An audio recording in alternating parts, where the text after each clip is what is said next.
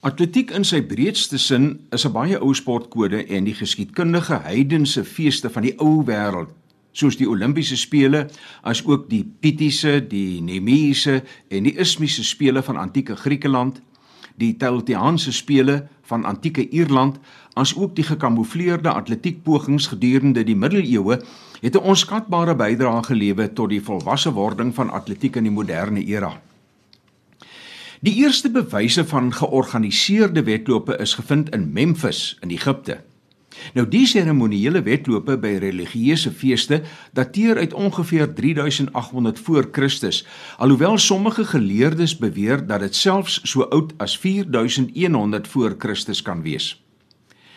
Die wedlope is gehardloop tussen pilare wat ongeveer 800 meter uitmekaar was en het gewoonlik bestaan uit 4 lengtes. Dit wil sê 'n totale afstand van so ongeveer 3200 meter.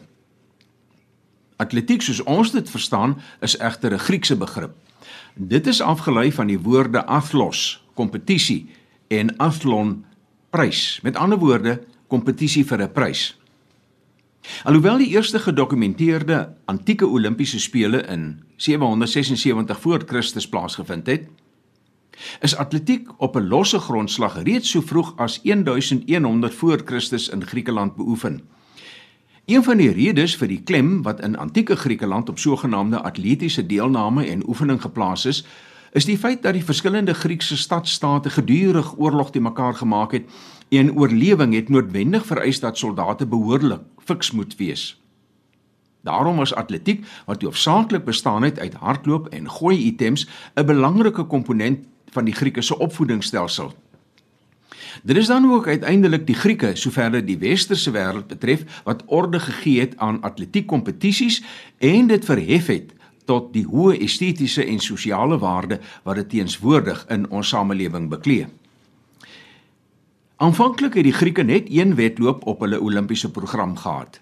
Dit was die stade genoem en was 'n naloop oor die lengte van die stadion in Olympia. Die naloop van 100 Herakles of Olimpiese tree is die oorsprong van ons moderne 100 meter wedloop. Alhoewel die stade in werklikheid 'n 192.27 meter, dit wil sê so byna 200 meter was. Die eenheidsbegrip van die 100 tree is vandag nog net so geldig as in die antieke Griekse tyd. Dit is net 'n fisiese afstand wat verander het. Die gebruik om anti-kloksgewys om 'n baan te hardloop in teenstelling met motorwedrenne en perdewedrenne wat kloksgewys om 'n renbaan plaasvind, het blykbaar ook sy oorsprong by die Grieke. Die diaulos wat twee stades was en die doligos wat sewe stades was, het meegebring dat die atlete op die een of ander wyse binne in die stadion wat net 200 meter lank en ongeveer 29 meter wyd was, moes omdraai. Die Duitser Oskar Brunner het in 1956 op grond van opgrawings wat by Isthmia gedoen is, verklaar dat 'n pilaar net links van die middel aan die einde van die stade ingeplant is en waaromheen elke hardloper moes draai. En die implanting van die paal net links van die middel was om te voorkom dat die atlete wat in die middel gehardloop het, 'n onregverdige voordeel bo die aan die kante sou hê. Die tradisie van die atlete wat dan links om die paal gedraai het, is toe aanvaar as die normale manier van hardloop om 'n baan en so word dit vandag nog gedoen. Die Romeine het later die Griekse wêreld verower en die tradisie van atletiekkompetisies met groot entoesiasme voortgesit alhoewel professionele atletiek al meer op die voorgrond getree het. Gedurende die middeleeue wat gevolg het op die val van die Romeinse ryk was daar geen georganiseerde atletiek nie alhoewel fisiese oefening steeds 'n belangrike komponent van soldate se voorbereiding was vir die vele feodale oorloë. En as gevolg van die toenemende gewildheid van ruitery, veral onder die adelstand, het wedlope te voet se gewildheid afgeneem. En teen die 17de eeu is die sogenaamde voetreises beskou as 'n aktiwiteit waarmee slegs die laer stand hulle besig gehou het.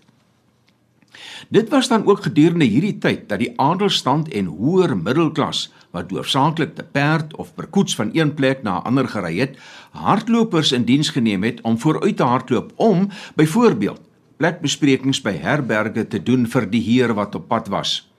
en dan is pos ook dikwels met hardlopers van een plek na 'n ander geneem. Dit het ook nie lank geduur nie voordat wedlope deur welgesteldes georganiseer is waaraan die hardlopers of voetmen deelgeneem het.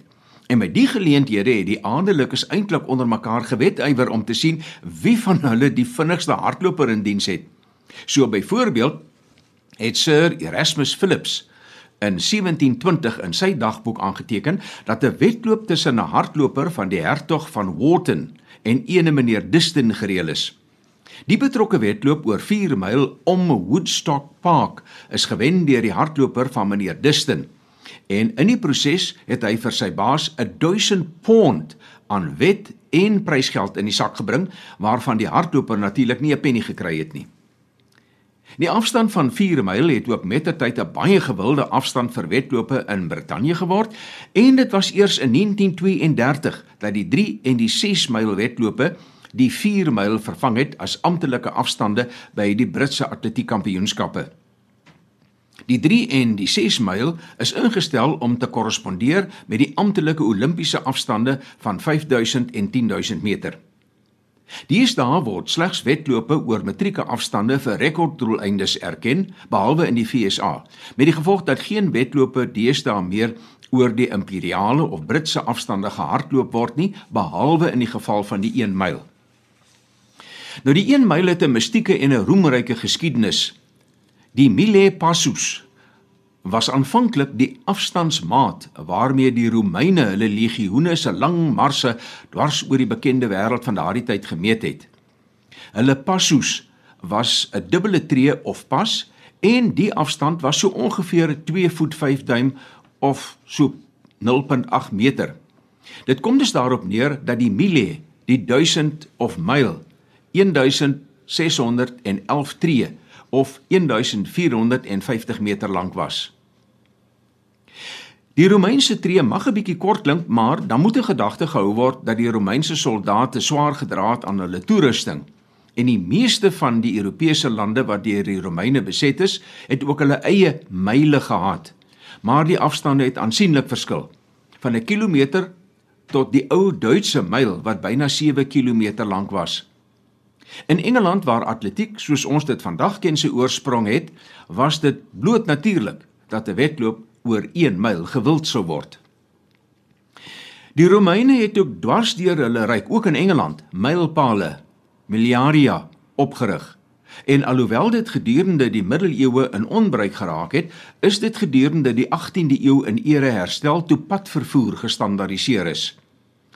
Die standaard Engelse myl wat bestaan uit 8 furlongs of furrow lengths waarvan die woord furlong afgelei is, was egter effens langer as die Romeinse myl. Toe atletiekbyeenkomste gedurende die 19de eeu op grasbane georganiseer is, was die wedloop oor 1 myl reeds goed gevestig en die 4 kwart myl rondes het gerieflik ingepas op die rugby en cricketvelde waarop die eerste byeenkomste aangebied is.